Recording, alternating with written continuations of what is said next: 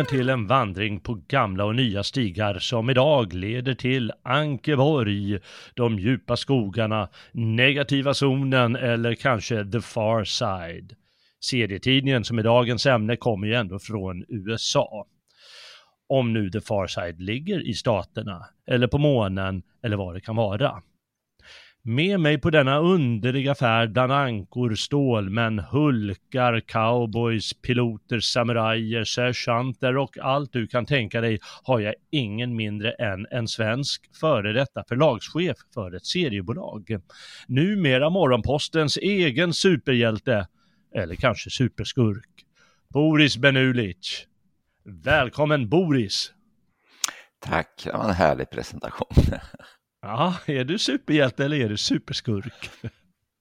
Eh, nej, men när det gäller superhjältemagasin så där så, så ska, ska väl villigt erkännas att jag tyckte alltid i Stålmannen och, och Läderlappen att superskurkarna var lite mer fascinerande än, än, äh, än Stålmannen och Läderlappen. Lex Luthor till exempel hade ju liksom mm. grandiosa visioner. De, de, de var lite roligare.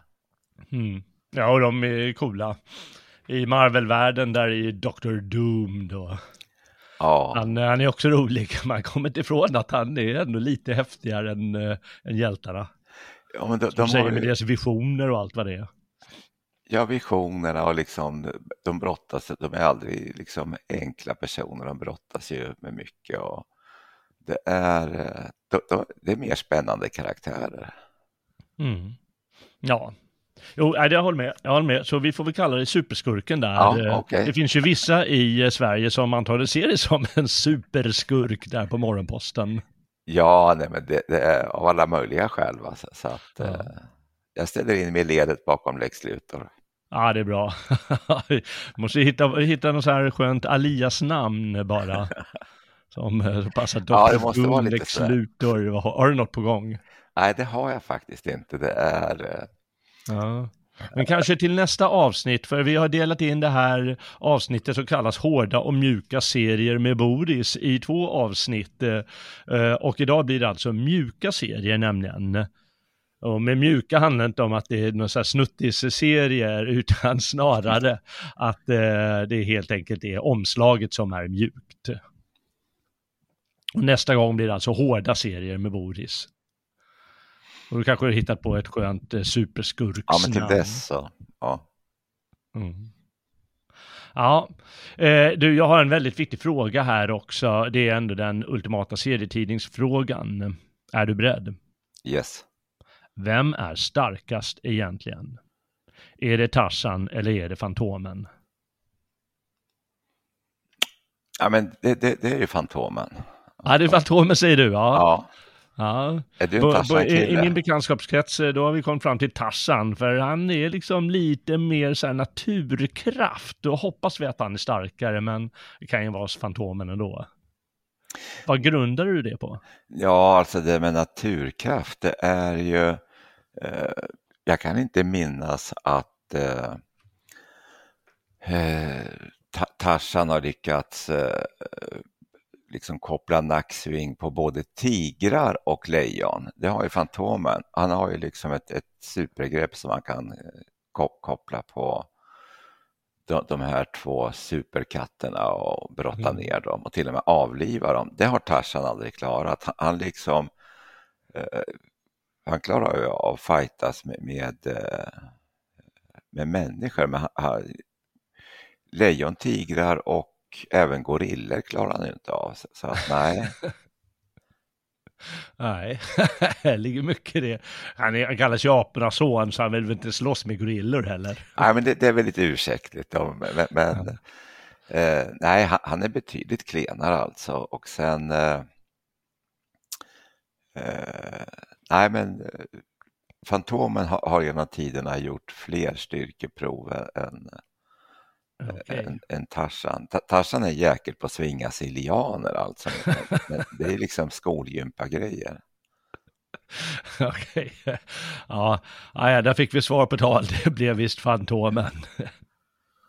Varför inte? Eh, det är fascinerande också att eh, han lyckas slåss med tigrar i, i djupaste Afrika, den där Fantomen. Jag har alltid tyckt det är roligt.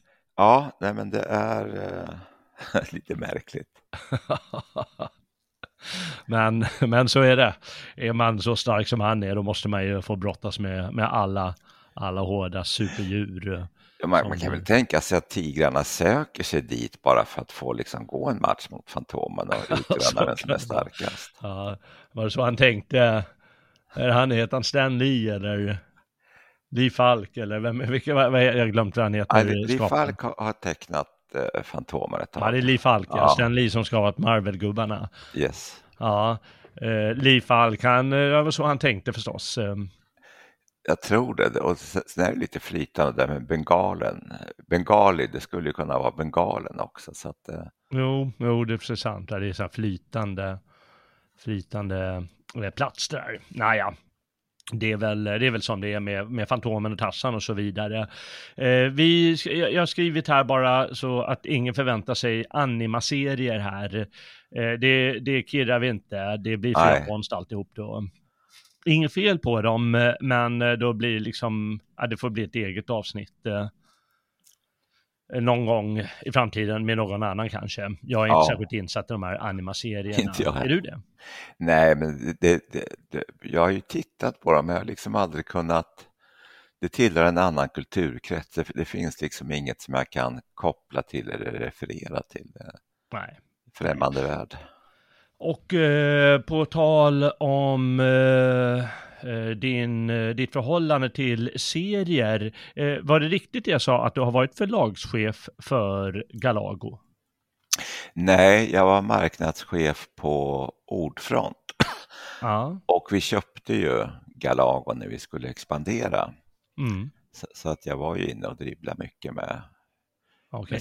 med, med i, i serievärlden där. Just det, jag hade nästan rätt i alla fall. Nästan rätt, ja. Ja, mm. och Galago, för de som inte har läst eh, Galago, kan du säga lite om eh, den eh, tidningen? Ja, det, det, den, man kan säga det, när den uppstår så här, så här beror det bara på en, en enda person egentligen som heter Rolf Claesson som, som tyckte att svensk serievärld var, var lite för idéfattig och tråkig och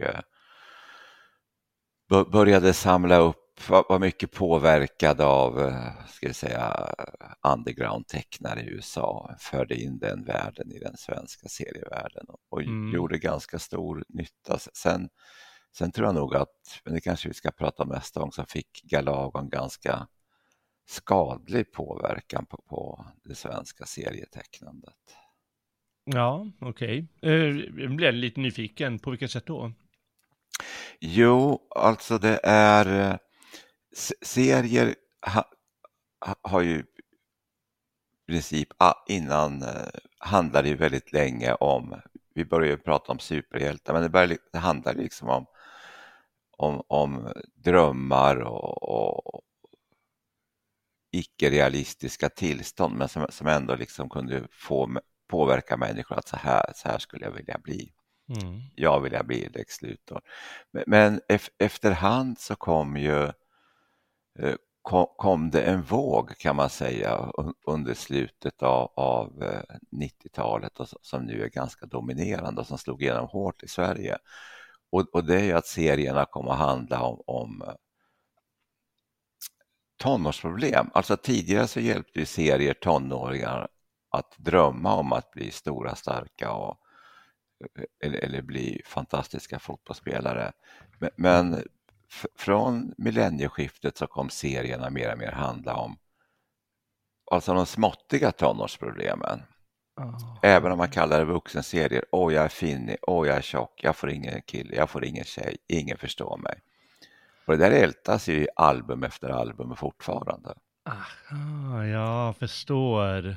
Ja, det är sant det du säger. Nej, jag har inte tänkt riktigt på det på det sättet, men det kanske ligger något i det du säger. Ja. Jag är lite medskyldig till det där, men i, början tyckte, i början tyckte jag det var kul, va? Men, men, ja. men sen, herregud, vad har det här blivit? Ja, precis. När jag var eh, eh barn i början av 80-talet, eh, då fanns det ju en tidning som hette Starlet, kanske du kommer ihåg? Oh ja. Ja, det fanns säkert tidigare också. Och du menar alltså att det gick från Fantomen och Spindelmannen till att domineras av Starlet? Eh, ja, men, men, men till, till, till, och med Stalet var, tror jag, inte för att jag var en frenetisk läsare av Stalet, men, men, men, även den typen av tidningar var, var ju liksom lite mera att, att du ska bli vuxen. Mm, Man hade filmstjärnor och artister som föredömen. Men, men, men från millennieskiftet så, så, så, så, blir det att eh, så, är man fast i det där liksom. Mm. Ja, är det den här generation X eller Z eller vad heter de då? Ja, det, det, det, det både... som, som, har hamnat, som, som, har fått oss eh, att hamna där. Ja, faktiskt. Det är, ja. eh, de, de, är totalt fast i det här. Det, det är liksom inte ta skuttet till att bli vuxen utan den mm. stora frågan är liksom eh, hur ska jag bli ihop med någon? Ja, just det. Hur ska jag bli ihop med någon? Oj, oj, ja. Ja, ja. Ja, från vuxen till tonåring. Mm. Ja, nästa, nästa serietrend är väl att vi alla ska vara barn på någon vänster, bebisar. Ja, men det, det rör sig åt det hållet. Så att... ja. Nej, men det är häftigt det du säger, att, eh, för det, jag har faktiskt aldrig sett det på det sättet att um, mycket av de här serietidningarna, eh, åtminstone de ja, som handlar om, om hjältar, det behöver inte vara superhjältar utan bara någon form av hjälte. Det kan ju vara liksom en så här eh, eh, noir-hjälte också, liksom en mer mörk hjälte eller hjältinna för den delen. Men mycket av det handlar om att de ska klara skivan och då måste man vara vuxen det och då på något sätt så skildrar det här eh, förmågan att vara vuxen och att agera eh, på, på ett sätt som vuxna gör och lösa problem. Mm. Sen måste de rädda världen kanske som Stålmannen och så vidare, men, och det är väl lite överdrivet, men liksom lite överfört så blir det det. Eh, men eh, då blev det alltså tonårsproblem, hur blir jag ihop med, med en kille eller tjej? Mm. Och de gamla super hjälteserierna, liksom, de, de, de, de, var ju ändå mera på det, det sättet eh, tonårsanpassade. Därför att som tonåring känner du liksom ofta så att det är något fel på mig. Jag är för kort, jag är för lång, jag är för tjock. Och den, listan, hela den här listan. Mm. Och tittar man på superhjältarna så har de ju, det, det, är alltid ett steg till, de har ju ofta något jäkla handikapp. Mm. Det, det, är något rejält jäkla fel på dem. Mm. Eh, Spindelmannen är blind eller har jag för mm. mig. Ja. Och, och, det gör det liksom att eh, då tänker tonåringen, ja fan han är ju blind och kan klättra på husväggar, vad ska inte jag kunna göra då? Mm. Och Stålmannen är ju privat en jäkla mes alltså, då, mm. då kan liksom alla nördar eh, tänka att mm. men innerst inne är jag liksom Stålman. Det är lite fint. Ja, ja det är sant det är. Ja, det är häftigt. Vi kan ju börja med, eh, ja just det, var ska vi börja egentligen? Jag, jag, när jag gick igenom det började jag skriva upp en massa serietidningar som kom ihåg från, eh, från barndomen då, och ungdomen och, och eh, faktiskt vuxenlivet också, eh, för den delen. Nu för tiden hinner jag inte läsa eh, några serier och det beror mycket på att jag vistas eh, utomlands eh, stor del av tiden. Och det är lite svårt att, att, ha med sig sånt där. Man måste nästan prenumerera på det eller gå till kiosken. Ja, i den mån kioskerna säljer sånt där numera. Det är inte så många tidningar kvar tror jag. Men några kan man införskaffa i alla fall. Eh, men då gick jag igenom lite, lite tidningar som jag kommer ihåg. Eh, och du har alltså också läst en hel del i din barn och ungdom och så? Ja, jo, men det, det liksom, äh, serietidningen var en självklar del av, av den litterära, av, av läsandet ska jag väl säga. Ja. Det, det, det, är eh, favorit, på den tiden så var det ju veckoutgivning av serietidningar så de kom alltid på fredagarna så att det var liksom mm, en högtidsdag när köpte. Ja, jag och några kompisar till mig, vi, hade, vi tävlade ju från skolan till kiosken ja. eh, på cykel. Eh, och eh, det är för att vem ska hinna köpa den här Spindelmannen först? Ja, Hålla den i sin hand. Ja, det var spännande där, rolig, rolig jakt. Vilka, vilka favoriter hade du då? då? Och vilka eh, år talar vi? Eh, vi talar ju om 60, i mitt fall om 60-talet. Det var, mm. det var liksom eh, för min del då, man läste mest eh, seriemagasin. Och eh, då, det jag läste mest var ju eh, seriemagasinet. Mm. Där, där, där, fanns all, alla mina favoritserier. Steve mm. Roper och Mike Nomad och Johnny Hazard. Och, ja, det, det var grejer. Det var grejer, ja. Jag var inte så dyrkare av seriemagasinet, men jag läste en hel del. Och det får väl gå under någon, eh, någon variant av, eh, jag vet inte, äventyrsserie med inriktning mot så här deckare, thriller eller något sånt kanske. Ja, nej, men det, det var det nästan genom, uh, genomgående. Mm. Mm. Vad gjorde de så bra när man var, när man var i din ålder då? Nej, men det, det var... Uh, det, det, var, I mitt fall så, så, var det nog att de var realistiska. Alltså jag, ju, jag, jag hade ju faktiskt lite svårt för uh, Stålmannen, Spindelmannen, Läderlappen just därför att det var för orealistiskt. Men, men mm. seriemagasinet, det var ju liksom eh, det var direkt in i vuxenvärlden. Det, det, var liksom folk som hade riktiga jobb och mm. det, det, var på riktigt. De, de mm. behövde mm. ingen superkraft utan de behövde ett par kraftiga nävar och kunna skjuta för att lösa problemen. Ja, just det. Ja, eh, fanns eh, redan på 60-talet någon form av eh, kamp då mellan seriemagasinet och Agent X9? För de är väl ganska lika? Ja, de, de är väldigt, så X, X9 gillade jag också. Så, så att, eh, ja. X9... Men seriemagasinet var lite bättre, vassare då eller? Ja, det, alltså när, när, det blev väl lite hugget som stucket där, för, för seriemagasinet blev lite sämre, tog in lite sämre serier ibland. Och mm. eh, X9 körde ju mycket med Modesty Blaise så det, det, det, var ju svårslaget. Mm, ja, precis. Ja. Jo, eh, barn gillar att kolla på vackra kvinnor. Mm. Ja, jättesnyggt. Hon är ändå ganska fräsig den där ja, Modesty. ja, eh, jag vet inte, hon är den enda jag kommer på som så markant har en egen, eh, som är en egen serie då, som, som liksom har verkligen hjältinna. Mm. Eh, kommer du på någon annan? Det är så tydligt, eh, jag menar, stål, det finns ju sådana här Stålkvinnan eller Stålflickan och sådana grejer, men de är ju alla i skuggan av Stålmannen och själva mannen. Men där är ju verkligen, hon är ju Agent X9 på många sätt, Modesty Blaze. Ja, Nej, alltså det är, de, kvinnliga hjältar hade liksom inget... Eh,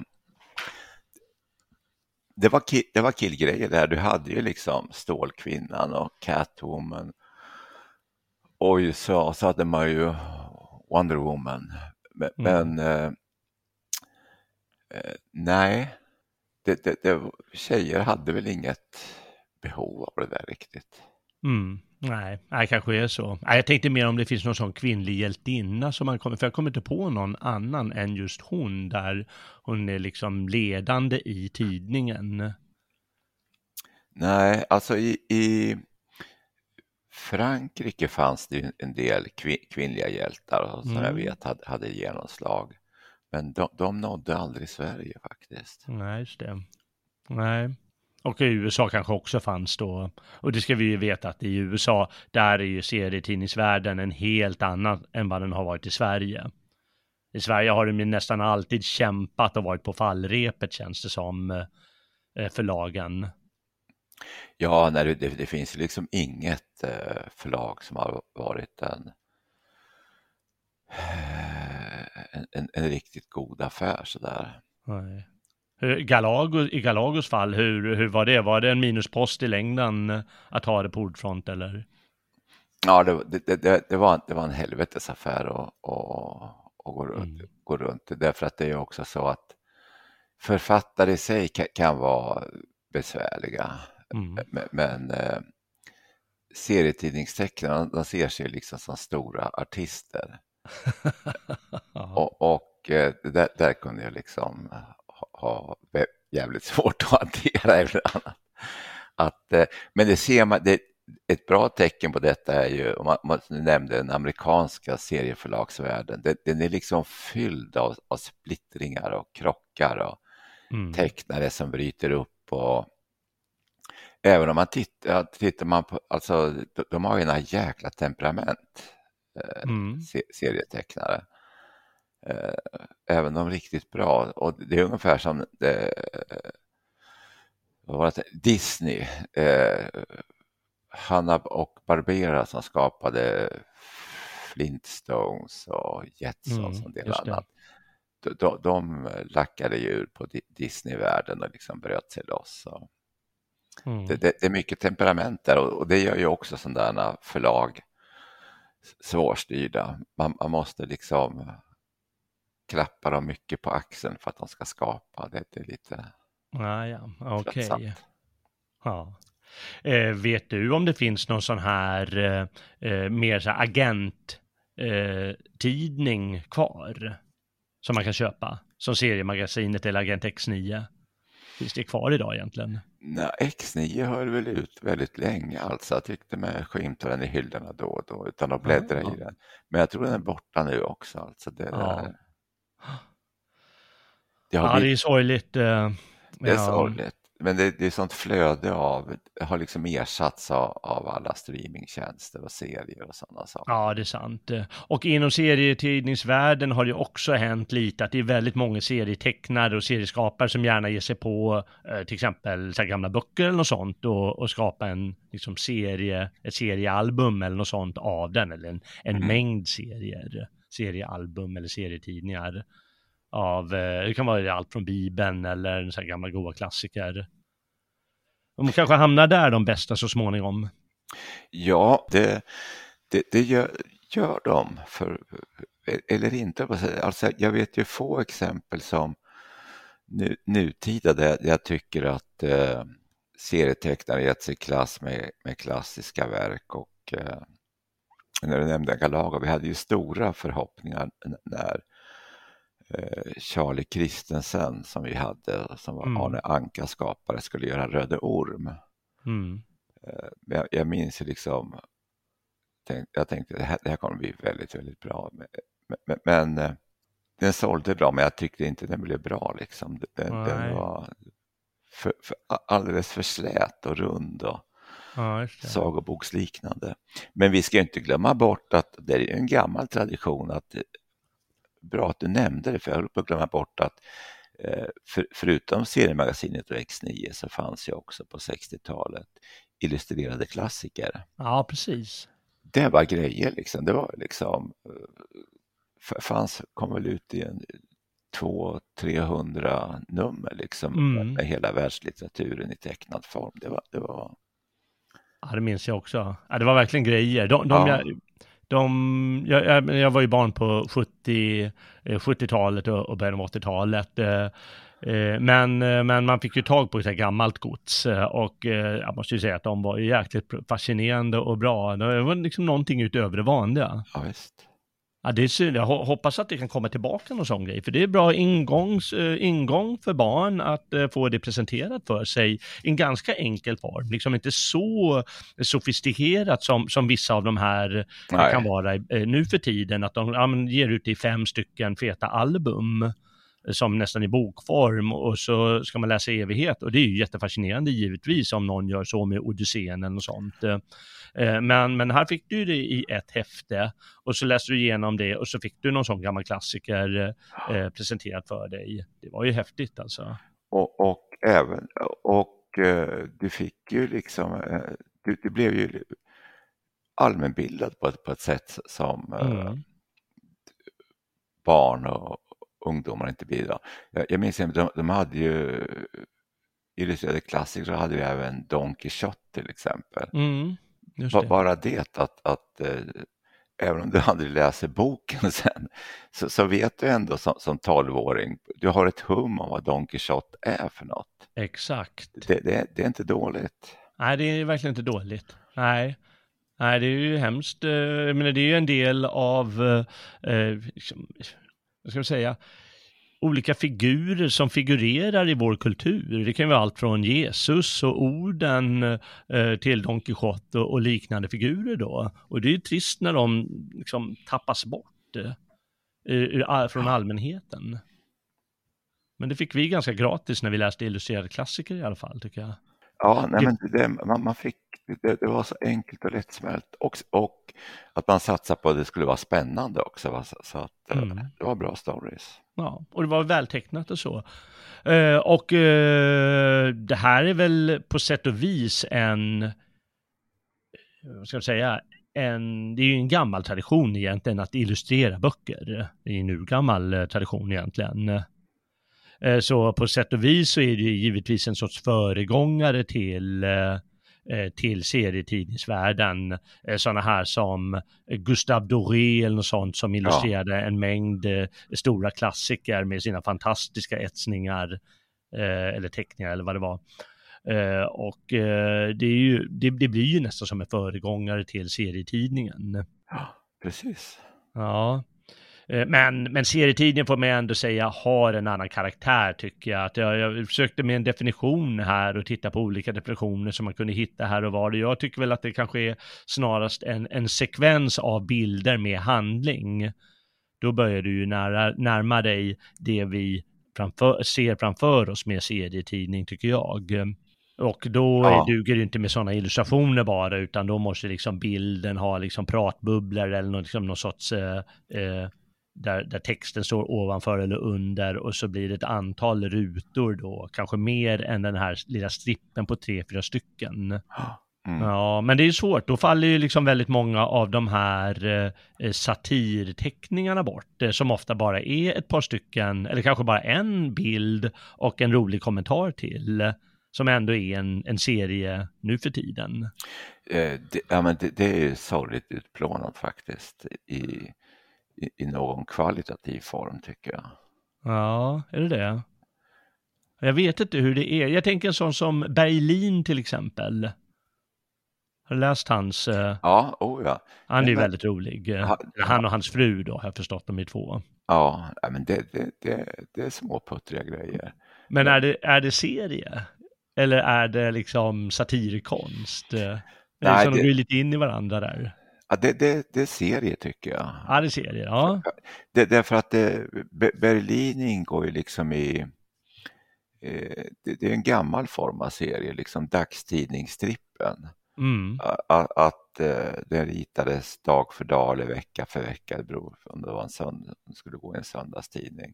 Mm. Och, och, det, liksom, det var mer bara utspritt i tiden, men, men det var ändå en sammanhållen he helhet och, samma mm. återkommande figurer. Så att... Ja, just det. Ja, men det är sant. Eh, eh, så får man väl se det. Det är ju annars eh, också en föregångare till serier. Det är förstås satirkonsten, alltså politisk och, kulturell satirkonst, vare sig det var liksom satirbilder på, på Heidenstam eller kungen eller någon, någon politiker där i slutet av 1800-talet Eh, och eh, på många sätt så föds ju själva eh, den här seriestrippen ur det, antar jag. Ja, ja men det, det, det växer ju fram med detta, alltså hand i hand med, med, med, med dagspressens framväxt egentligen. Mm, just det. Och, och, och, den mer sammanhållna serien föds i, i och med att vi får tabloidtidningar och, och dagstidningar i, som är massspridda, att man ska ha något mm. Lattjo liksom. Just det. Och det fanns ju så här tidiga, i, i Sverige fanns det väl eh, ganska tidigt i dagspressen sådana här som Kronblom och vad mer har vi för riktigt gamla godingar, Biffen och Bananen och sånt. Eh. Ja, det, precis. De hade jag glömt. Ja, eh, just det. Ja. och sen, Tack och lov. man kan ju gå tillbaka till, till uh, Oa Oskar Andersson också. Det, det ja, ju, precis ja. Så, så att uh, mm. det var ju vä väldigt uh, vassa, avancerade serier och även Albert Engström. Både Oa och Engström hade ju återkommande figurer. Va? Så, så, så mm. det, det, är ju en tidig form av serie kan man säga. Ja, ja verkligen. Eh, och sen har ni inte tagit, intagit själva serietidningsformen, att det kommer ut i en regelbunden egen publikation. Och det vet jag inte om det är först på 30-talet. I Sverige tror jag det första brukar vara ett Musse Pigg, Musse Pigg-tidning som kom 37. Eller lite senare kanske. Där 30 eller 40-talet. Och sen så på allvar Kalanka från och med 48. Och sen börjar de rulla ja, på där, Fantomen och Stålmannen så 50. Och så vidare. Eh, seriemagasinet sen också på 50-talet någon gång börjar. Och då har vi förstås liksom den eh, riktiga serien eh, som vi känner i en serietidning som kommer ut eh, regelbundet. Men det är en spännande resa för serien. Det får man fatta att det är också en hög kulturform. Det är ju många som försöker se ner på det. Eh, ibland med rätta eftersom det är massproduktion många gånger. Men det finns ju massproducerade böcker och så också. Eh, så det är inte underligare än så. Och jag tycker det är en, en väldigt vacker form, konstform, eh, serietidningen. Ja, men den kräver ju väldigt mycket alltså. Och den bra serien är ju det, det är god kultur helt enkelt. Mm. Och, och, ja, det kommer vi kanske se, prata mer om. Det, det blir än mer tydligt när man pratar om serierna som växer fram under 80 och 90 och, och 2000-talet i, mer i albumform och i, när man börjar mm. tala om grafiska romaner. Men man ska ju komma ihåg också att de, de som skapar de här riktigt stora, eller mitt tycke stora serieverken från, från år 2000 från slutet av 90-talet och framåt. Alla börjar ju sin bana som, uh, su superhjältetecknare mm. och, och utvecklade sen. Mm. Då är det bäst vi går över till superhjältarna nu.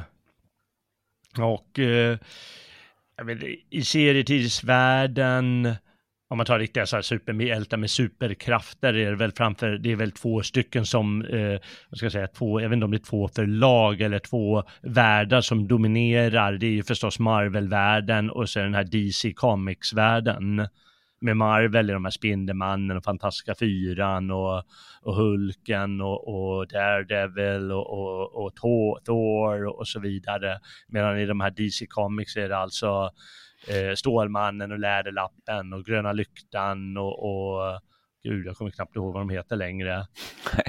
hjältarna, men de är ett gäng där också. Eh, läste du dem eller läste du bara agentserier?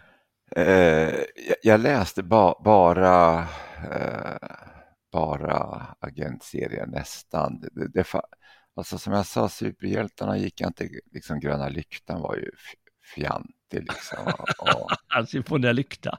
Ja, nej, men, jag, jag, alltså jag fattar inte idén av vilken tonårsgrupp den skulle appellera till riktigt.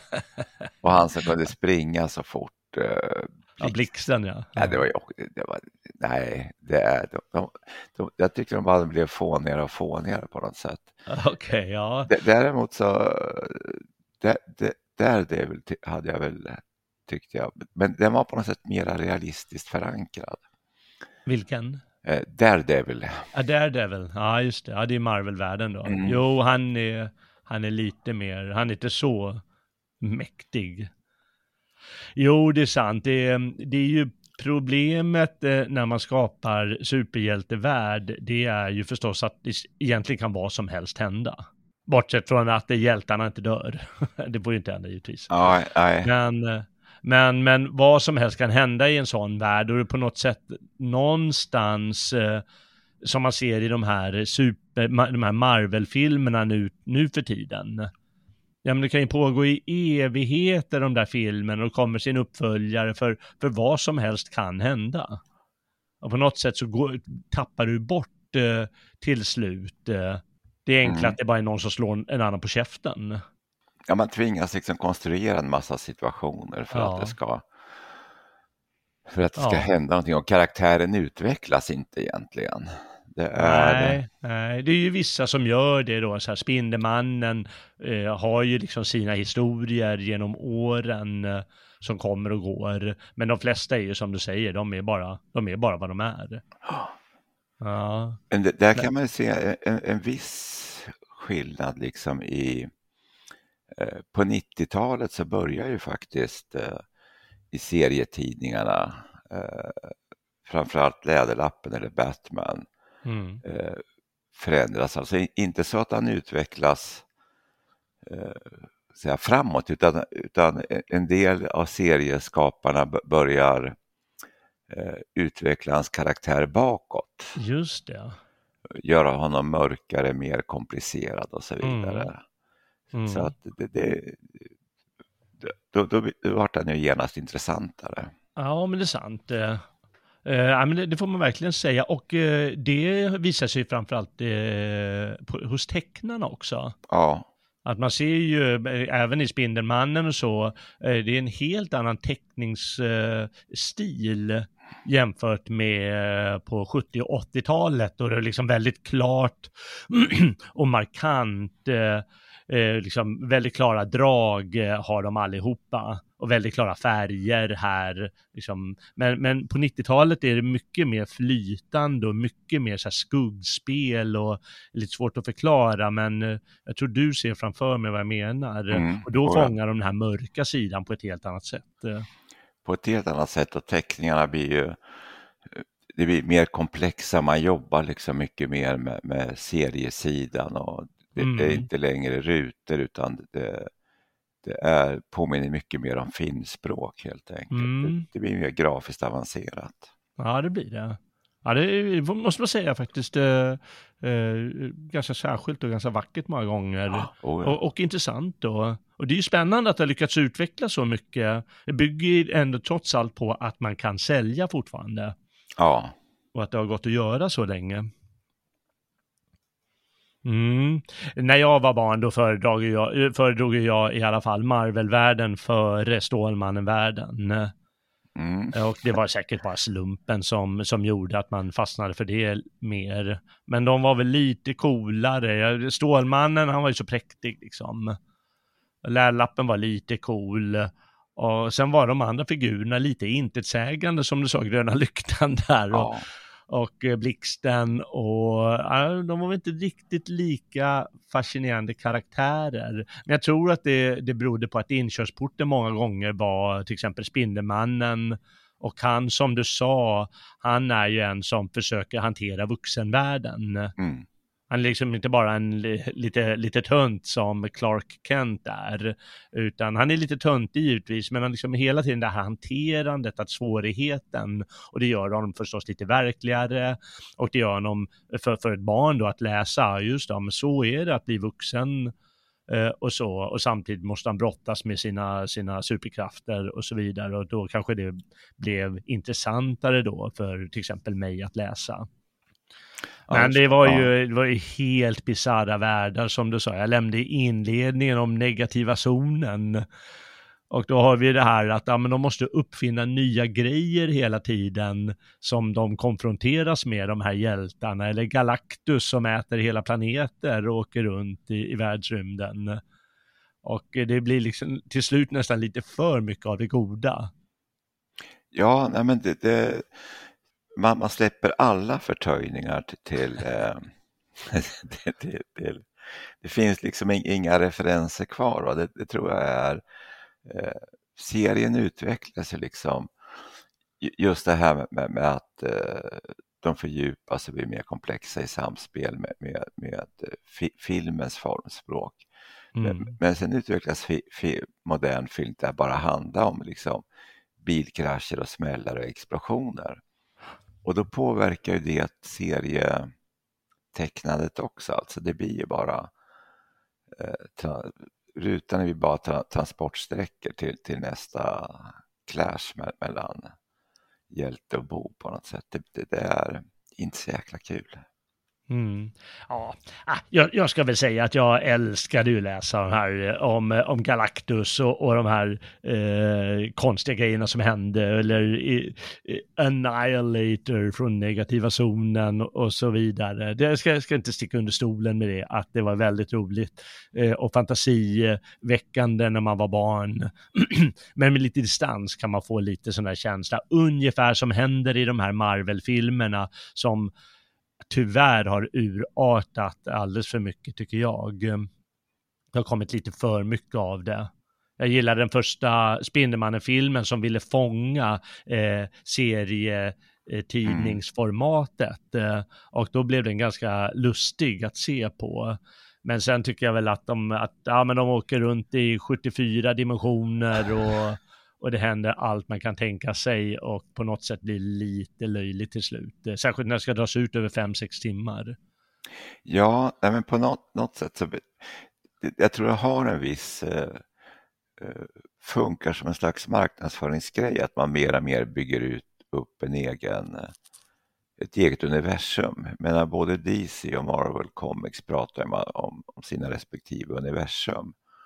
Mm. Och det blir en fantasygrej att man, man kliver in i en helt eh, parallell värld till slut. Mm.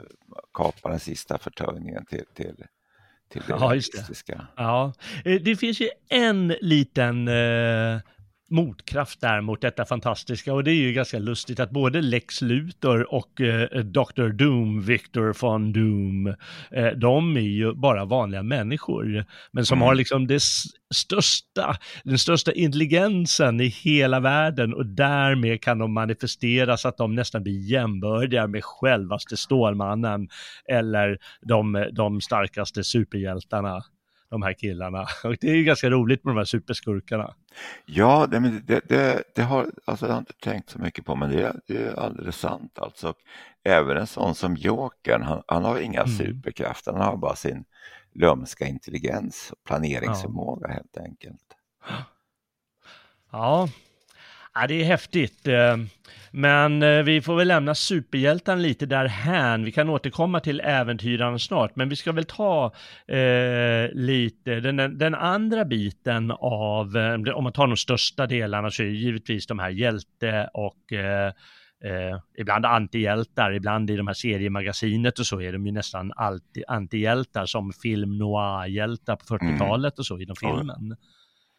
Men låt oss kalla dem hjältar och äventyrsserier. Så har vi den andra sidan som är humorserier, som är en annan väldigt stor eh, serietidningsform. Vad har jag skrivit upp för några här? Eh, eh, vi har Gustav, Snobben är förstås en klassiker om man ska kalla det humorserier, men det får man väl göra. Eh, ja. Givetvis 91 i Sverige, denna horribla serie. Eller hans amerikanska motsvarighet Knasen, som är betydligt bättre tycker jag. Ja. Har du några favoriter där?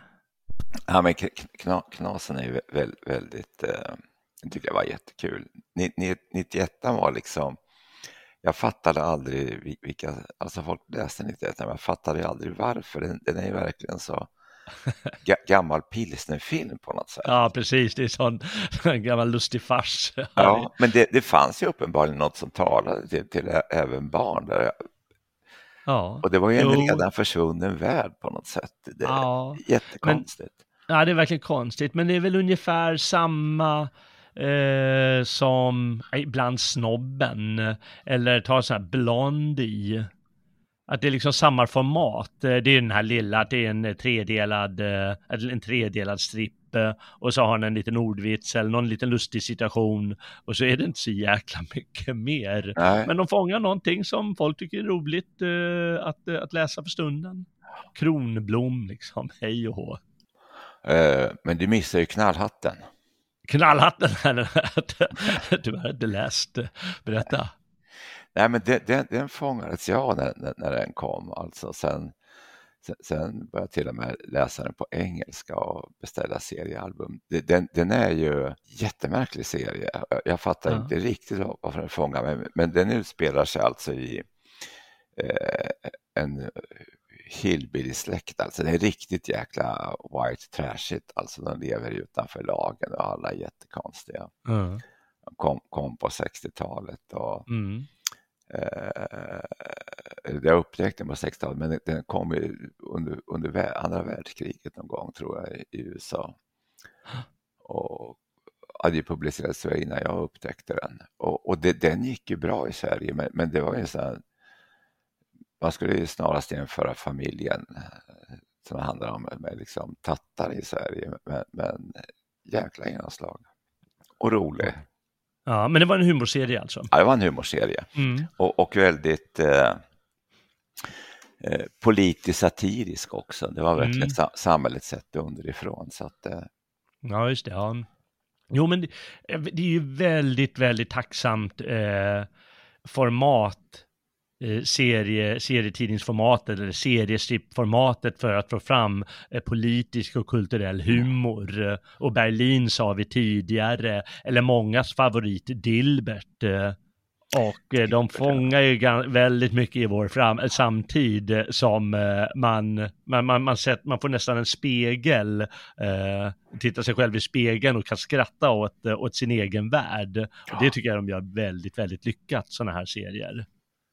Ja, nej men det, det är, det är ett perfekt eh, redskap och medium för detta. Sen, men sen ser man ju också hur eh,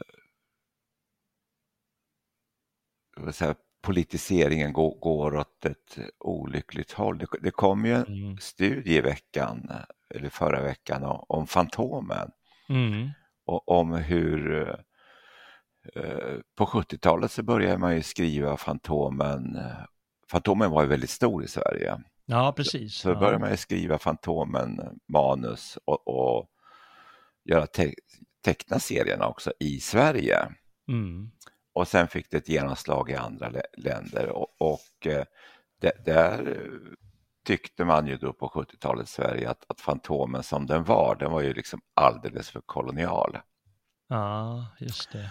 Så, så man började eh, vinkla om det jättemycket och FN dök upp och började spela en roll i serien. Ja, ah, just det. Han, hans hans eh, söta Diana, hon Ja. är ju hon är FN, FN-böna. Precis. Ja, jag måste säga att vi fattade inte det särskilt mycket med, med politik när vi var tio år gamla, men redan då rynkade vi på näsan åt det här. Det är någonting som är konstigt. Vadå FN liksom? Ja, vad gör de där? Vad vad, vad, gör, det- vad gör hon i Fantomens värld? Ja, men det här Okej han vill fixar ha en ju- snygg brud liksom, men Fantomen och Guran hade ju fixat det där förut utan FN. Ja, ja, nej men det är sant, den där sortens politisering och den måste ju döda väldigt mycket av humorvärlden. mm, Och givetvis handlar det om det, att det politiskt korrekta klimatet tar över och det vet ju alla att humorn dör ju när det politiskt korrekta får överhanden.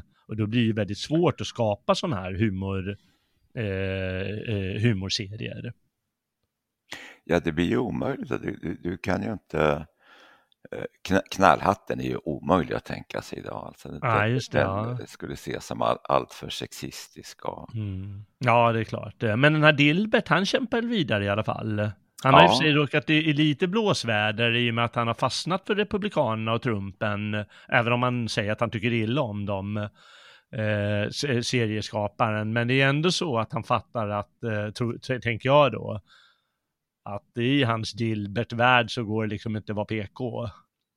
Nej, och, och, eh, men även där kan man ana liksom vissa avgränsningar. Po- Poängen med, med en, en humorserie som eh, är ju att den ska slå ganska vilt mot alla. Alltså det, Mm. det, det, den ska inte ha något, nå- någon politisk linje av något slag. Det ska vara liksom anarkistiskt och oförutsägbart, annars blir det inget roligt. Nej, jag håller med. Det är väldigt, väldigt viktigt. I, I Sverige styrs vi av den bizarra, vidriga idén som jag brukar alltid säga Jonas Sjöstedt står mest av alla för. Nej, mina stora, ja, hatobjekt, om man får säga sådär i radion. Eh, och det är ju förstås att ja, men man får bara slå uppåt. Ja, Men som du säger, men då är det inte humor, för humorn är som du säger anarkistisk, den slår ju vilt åt alla håll och kanter. Annars blir det inte roligt längre. nej, det måste finnas där. Det, det, det, det var där liksom min, min kärlek till knallhatten föddes. Liksom. Den, den driver ju med allt och alla, liksom. Ja. Även den här white trash-familjen. Ja, men lika mycket med politiker. Alltså det, Ja, just det. Ja. Mm. det ska finnas en viss oförutsägbarhet där helt enkelt. Som ja, det måste göra. Då kommer jag ihåg att det var väldigt befriande med, med, som jag också nämnde i den lilla introduktionen, The Far Side. Det, det vill säga den som kallas Larsson på svenska. Mm. Läste du Larsson? Den kom väl i slutet av 80-talet om jag minns rätt? Ja, och men Ja. Den, den var, jag tror många upplevde det som en eh, befrielse faktiskt. Ja. För, för den var ju verkligen oförutsägbar. Ja, eh, verkligen. Så otroligt konstig, men ändå liksom när man tänker till vilken underbar humor. Ja, Ja, jag brukar dra min, ja, man kommer inte ihåg allihopa, men, men det är en som har fastnat i huvudet för mig. Jag tycker det är så ofattbart roligt och det är eh, amöbor kollar porrfilm. och då sitter de framför tvn och så skriker de, kom igen, dela på dig nu då. jag tycker det är så, ja, det är höjden av humor. ja, ja det, det var vanvettigt roligt. Ja, och hans otroliga förkärlek för kor. Ja, korna ja. Det, är, det räckte till slut med att man bara såg en bild på en ko. Det var roligt. Ja. Ja. men Det är väl någonting, samspelet mellan, mellan själv, sättet att teckna och den här lilla kommentaren som finns eh, till det hela. Eh, eller hur man sätter in det i en kontext, eh, figuren. Ja. Ja, väldigt speciell den här Larsson tycker jag. Ja, genialisk. Ja, det var genialiskt. Och i den eh, serien fanns ju en annan favorit som många tyckte väldigt mycket om, den här Bernie. Mm. Hette den så? Ernie hette den, förlåt. Ernie hette den. Ja, Ja. Tyckte du om den också eller? ja men det, det, den var ju också jätte... Har en, all, de flesta album, alla kanske. Eh, nej, men den var ju också så där att, eh, men så där får man inte göra. Eh, det var det som var så vanvettigt roligt. Vad hette han den här svindlande släktingen? Uncle? Sid. Just det, underbar figur. Ja, så rolig. Jag kan aldrig glömma, han slutar ju alltid på den här feta Effie. Ja, eh, serievärldens fulaste kvinna. och, eh, och så kom han till Ernie, ah, jag lyckades gå med Effie till, eh, till mataffären och hon köpte biff. Så jag ska äta biff och hade käkat snål det här, så han ville aldrig betala. Så hon bjuder på mat och han äter hennes fruktansvärda mat bara för att han är så snål. Och så kommer han hem med den här gången ska jag få biff. Och så sitter han vid bordet där och så lyfter upp på locket och säger kokt. Nej, men det, det är liksom, det, den är både amoralisk, där man tycker att de, de, de här eh, skojartyperna är, Mm. är, roliga, och, och, men sen liksom klipper ändå verkligheten till dem hela tiden. Ja, verkligen. Och så kommer, de till, kommer Uncle Sid tillbaka och ska lura upp en annan. Det är jätteroligt. Ja. ja, man har ju kul. Och det är åter, återigen som du säger, den här amoraliska attityden. Mm. Att eh, det blir svårt i PK-världen. Det handlar ju ändå om en människa som utnyttjar andra människor. Och då börjar de liksom skruva på sig lite. Ja, och, eh, och det, det- har ju att göra med att män, människor le, lever så, så, så där ser ju verkligheten ut alltså. Eh, och alla har stött på den här typen av, av, av, av människor alltså. Det är, eh, och det, det är något fel på någon som inte tycker att, att till exempel den här märkliga läkaren i serien i Örne också var Mm. alltså den, den mest ohälsosamma människa du kan tänka dig. Mest för, fysiskt förfallna varelsen är också läkare. Det är jätteroligt i sig. Ja, det är det. Ja, det är roliga saker och det finns, eh, finns ju många. Eh, var det Galago som gav ut den här eh, Nina Hemmingsson? Ja, gav, Jag tyckte ju faktiskt att hon var att hon ganska rolig. jo, vi gav ju ut henne. Hon gick väl till något annat förlag sen efter, Ja. min tid. Och så gav vi ut Lena Ackebo också. Mm. Eh, hon var också bitvis, hade den här anarkistiska ådran, var, rätt Ja. rolig. Och eh, vi gav ju ut Pirinen också, men, men han var nog världens lynnigaste konstnärssjäl alltså. Men ibland kunde han vara väldigt, väldigt bra. Vad vad- vad gjorde han för några? Han är väl mest känd ge- genom eh, Socker-Conny. Conny, ja.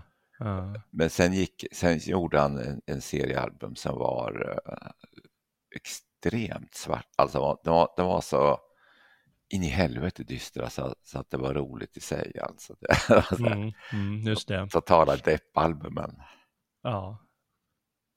Ja, det är klart att det är ju det, det, det är kul när de, när de kan eh, få, få ut, eh, som du säger, svart, svart humor eller den här svart, svarta världen och man, man fascinerar, människan kan inte låta bli att fascineras av det där, måste man säga. Jaha, då har vi tagit eh, lite av humor och äventyren och då finns det ju den största, den eh, stö perfekta blandning mellan äventyr, ibland i alla fall, och humor. Och det är förstås seriefigurernas seriefigur. Och vem är det? Kalle. Det är förstås Kalle Anka. Störst av dem alla. Är, är du också en Kalle Anka-älskare? Ja, ja men det, det är eh, Kalle Anka har liksom alltid funnits där. Det är eh, det, som, som en självklarhet. Va? Så att, så att, eh, jag tycker det kan vara kul att analysera serier och sådana saker. Men, men, men när det gäller Kalle Anka så har jag liksom inga teorier och uppfattningar. Kalle Anka är bara kul oavsett under vilken period det är. Det, det är något ja. fundamentalt tilltalande. Ja, det är det. Ja, det är fascinerande. Det måste ju ha någonting med att han har, han har ju karaktärkarn. Ja, det kan Det måste man verkligen säga. Och, uh, han, uh, han ska spöa krattarna. Han är snäll mot dem alltid och uh, han råkar alltid illa ut. Men många gånger så blir han liksom bäst i världen på någonting. Han ska liksom gå över Niagarafallen på spänd lina. Och han är bäst i världen på att göra, han kan göra alla tänkbara kullerbyttor på det, för han, han, liksom, han är Kalle, han, han bara fixar det där.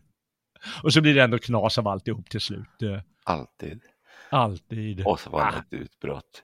Men, jag, och så var det utbrott, ja. men det kan vara utbrotten som gör att han är så tilltalande, att det, det gör folk känner igen sig.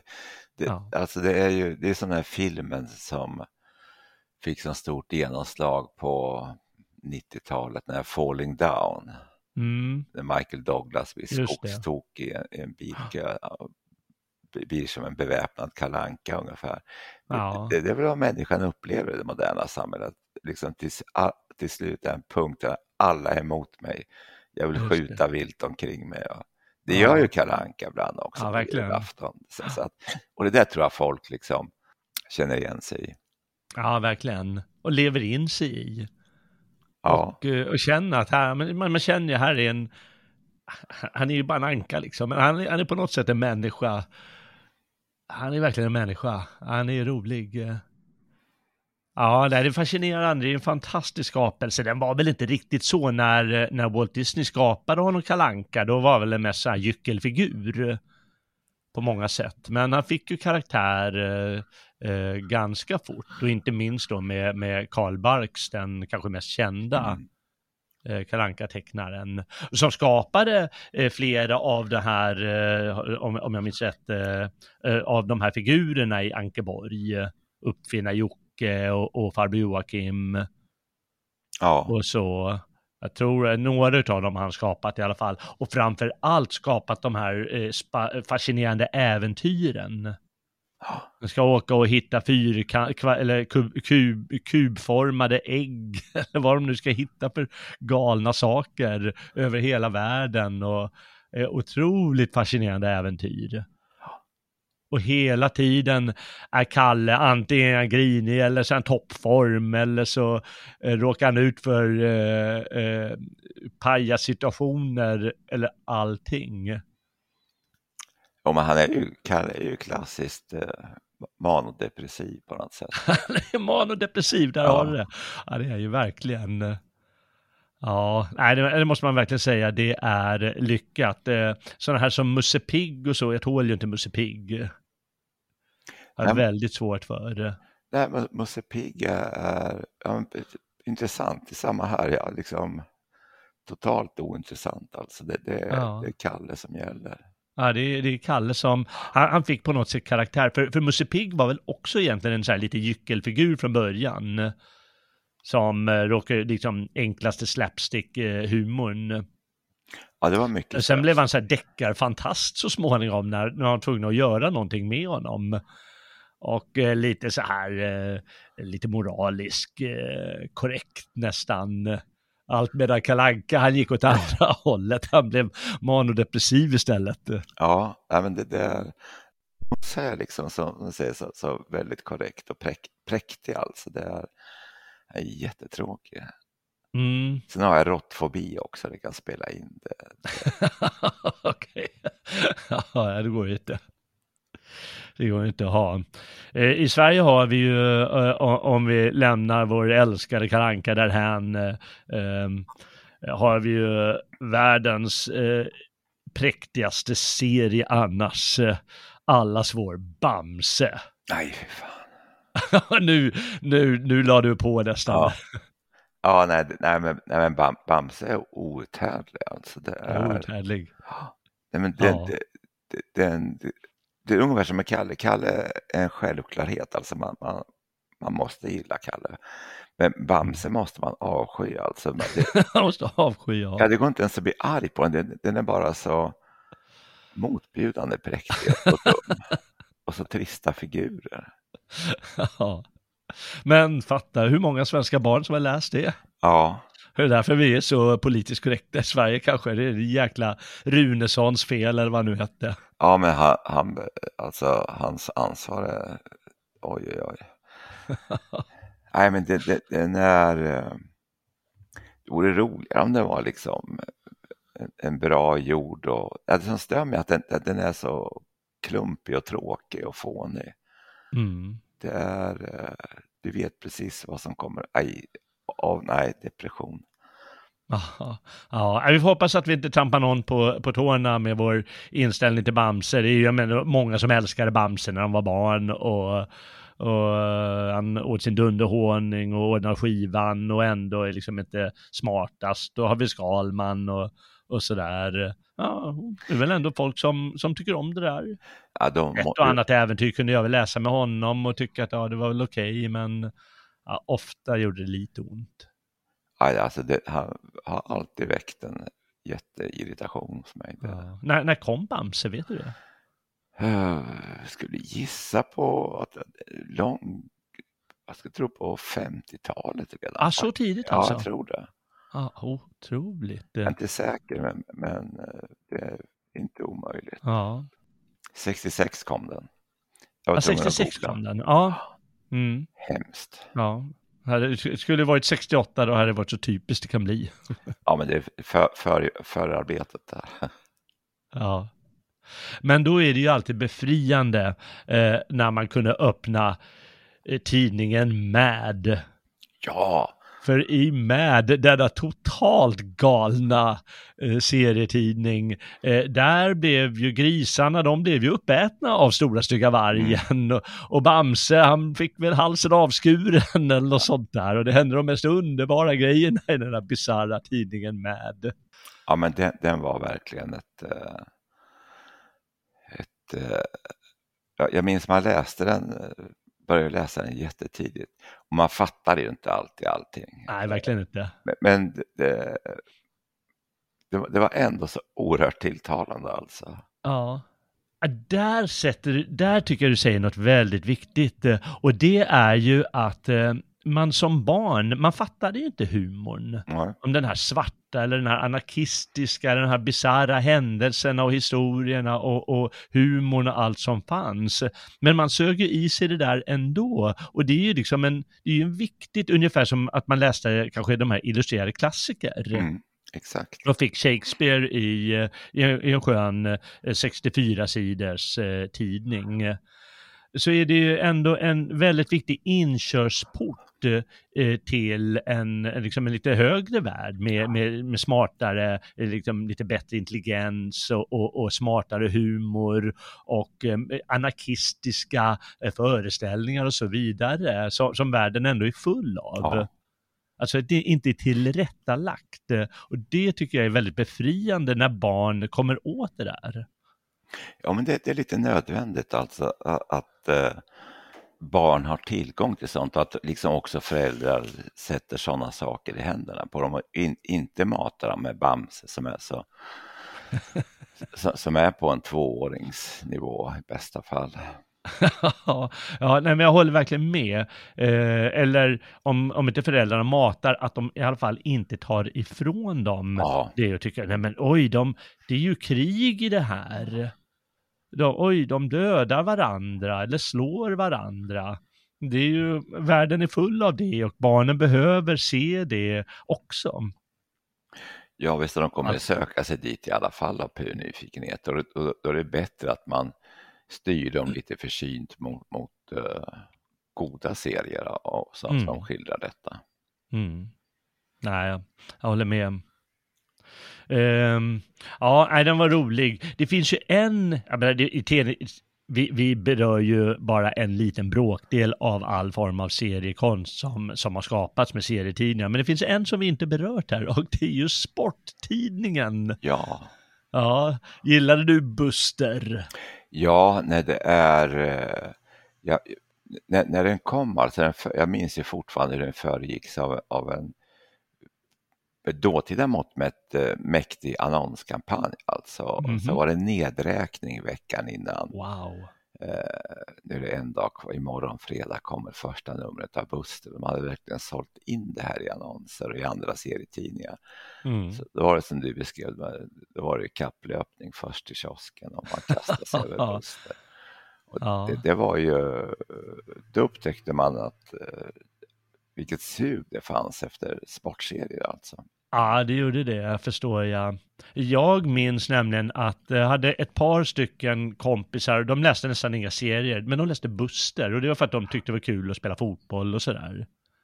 Så de gjorde det, sport, ja, så det fanns liksom någon serietidning för alla. Ja, det är huvudserien där, Buster, eller Benny Guldfot hette ju huvudserien. Det handlar om en kille som eh, kom från lite taskiga förhållanden och eh, var inte speciellt bra på fotboll. Mm. Eh, men så hittade han ju eh, ett par avlagda fotboll i en soptunna.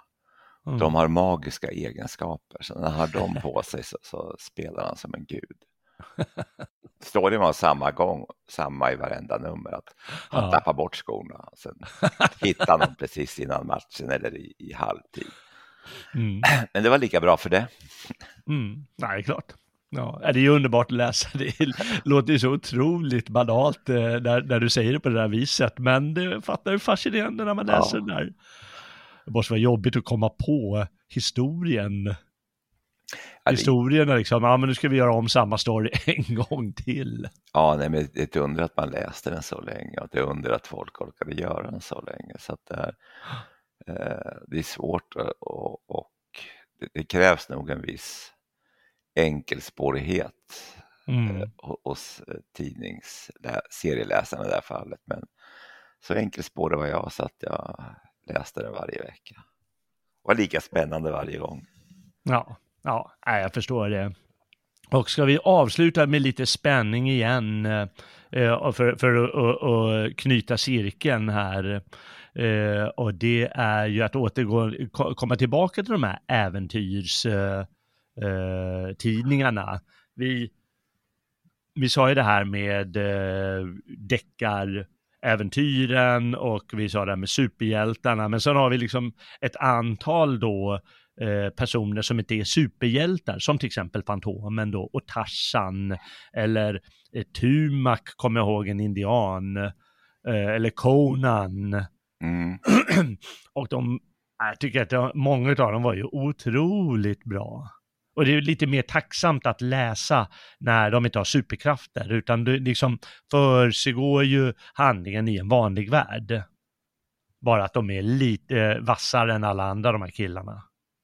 Ja, nej men det, eh, jag föredrog alltid den sortens serie, den var mer tilltalande. De, de som mm. du nämnde och sen Steve Roper och Mike Nomad och, och uh, Johnny Hazard också, och Modesty Blaise som vi pratade mm. om. Och, eh, av de här äventyrsserierna, vilka läste du då? Jag nämnde bara fyra stycken som jag kom på här i all hast. Här har jag skrivit en annan, Jonah Hex. Han var med i någon western-serie. Ja, Jonah Hex missar jag. Men det säger något som är lite intressant, alltså att eh, västernserier har ju aldrig varit stort i, i, i Sverige.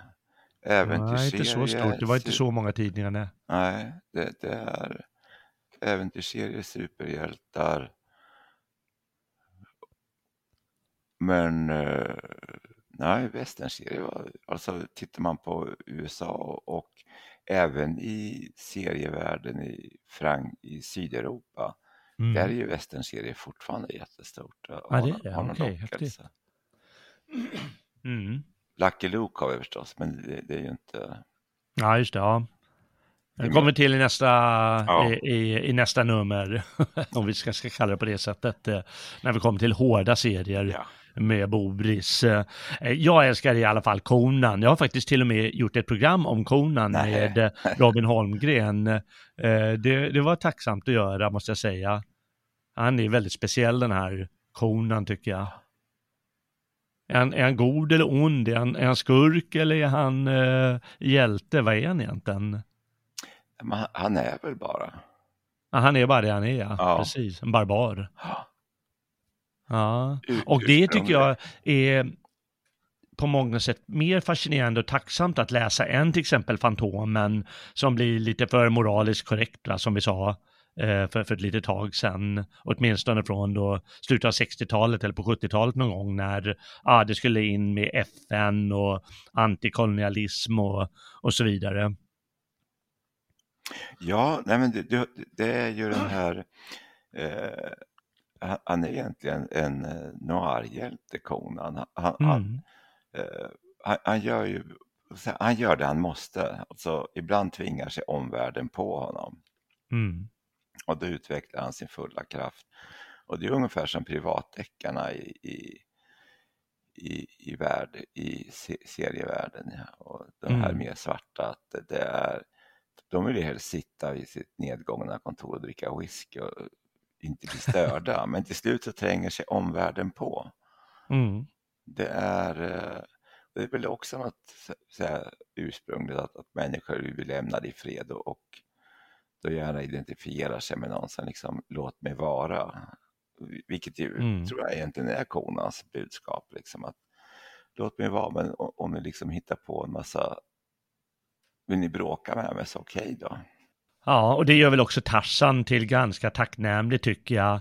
Att han är ju på något sätt, eh, han bor där i djungeln och eh, bort från civilisationen och han, eh, där, där, där är inte den här mänskliga moralen. Han är väl där för att skydda djuren och djungeln egentligen när det kommer till kritan. Men det blir inte så jäkla moraliskt eh, och det tycker jag också är väldigt tacksamt. Eh. Ja, fast jag hade svårt att ta till mig Tarzan-serien som serie. Alltså, jag tror att det, för, för att jag, alla matinéfilmer med Johnny Weissmuller, jag utvecklade en aversion mot Tarzan helt enkelt. Jag klarade inte av det där med mm. stod i höftskynke och slog sig för bröstet och vrålade. Det var liksom bara så fånigt på något sätt. Så att, eh. Ja, men det är väl nästan ännu fånigare att de har trikåer på sig. Varför har de det egentligen?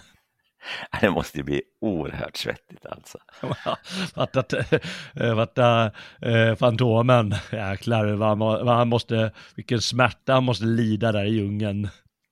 Ja, nej, alltså, jag läste, jag föredrog de här avsnitten i Fantomen där Fantomen blev Mr Walker och åkte in till hamnstaden Morristown och stod, mm. beställde mjölk och stod ner busar på krogen. det, det, var lite coolt. Han gick med sin bergsvarg där. Just det. Ja, ja vilken värld. Ja. Vilken värld serievärlden och eh, det är ju väldigt roligt att du har varit, eh, att du har sett den lite från insidan. Eh, det kanske du kan berätta mer om i nästa avsnitt som ska handla om hårda serier, för Galago har väl också gett ut flera hårdbands serier.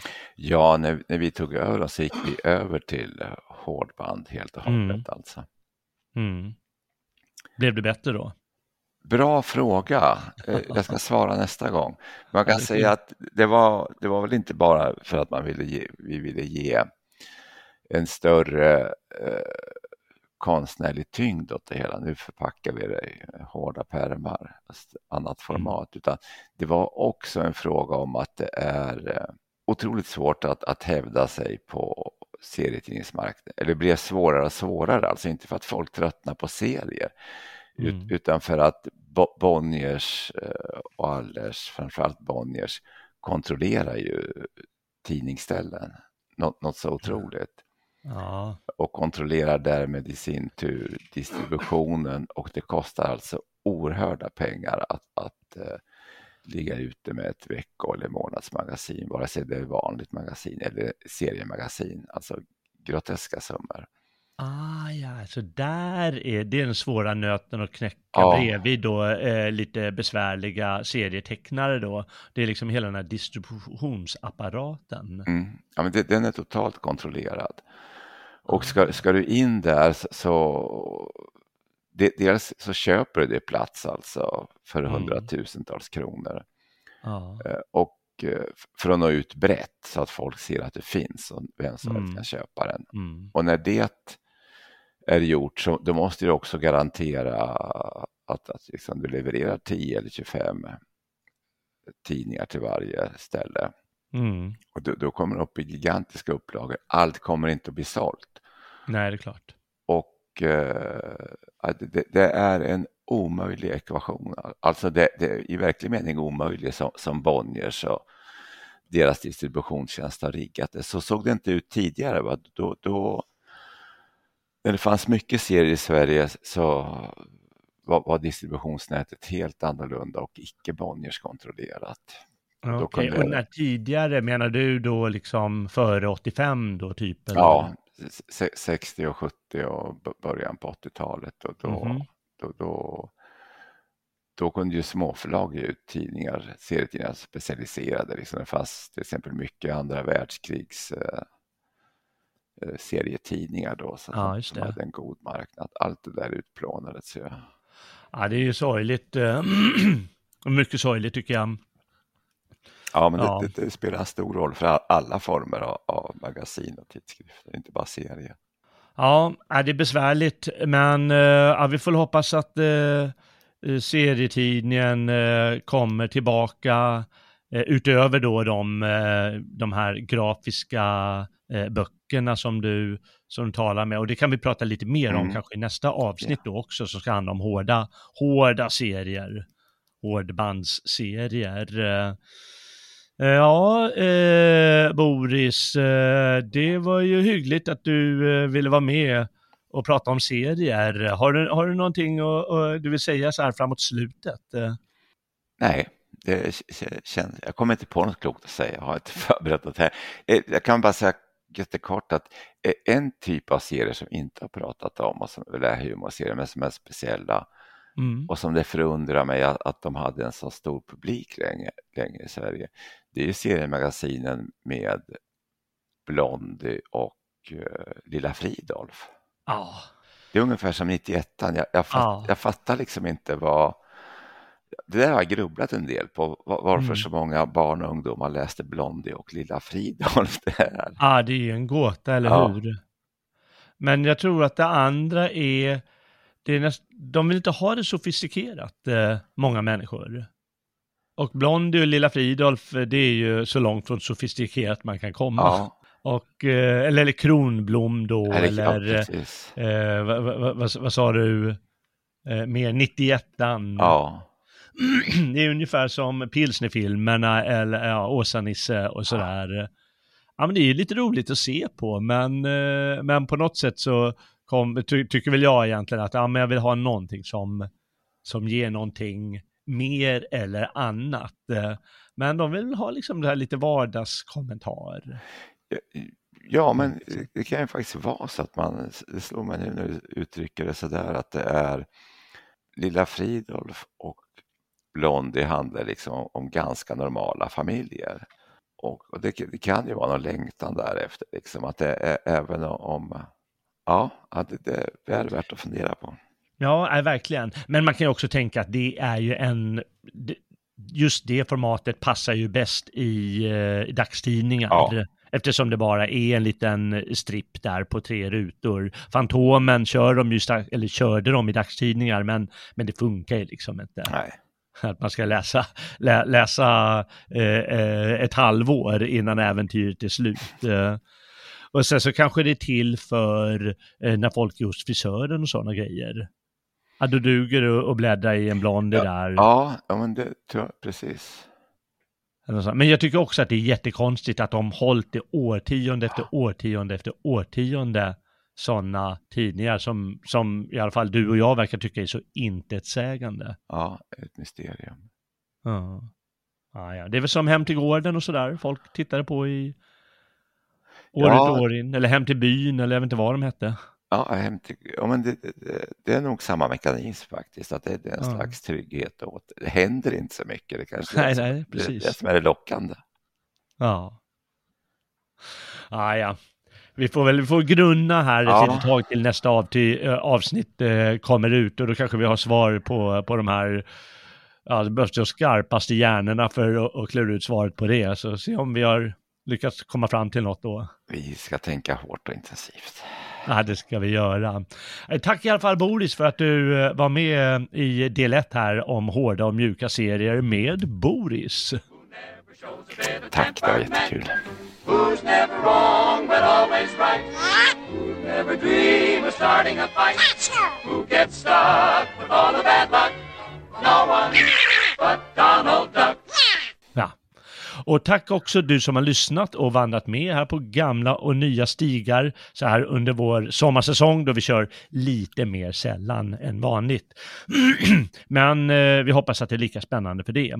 Och tack också alla er stödprenumeranter som gör det här möjligt. Eh, För er som inte är stödprenumerant eh, kan man alltid gå in på svegot.se eh, och fundera om man vill stödja vår verksamhet med radio och eh, annan utgivning.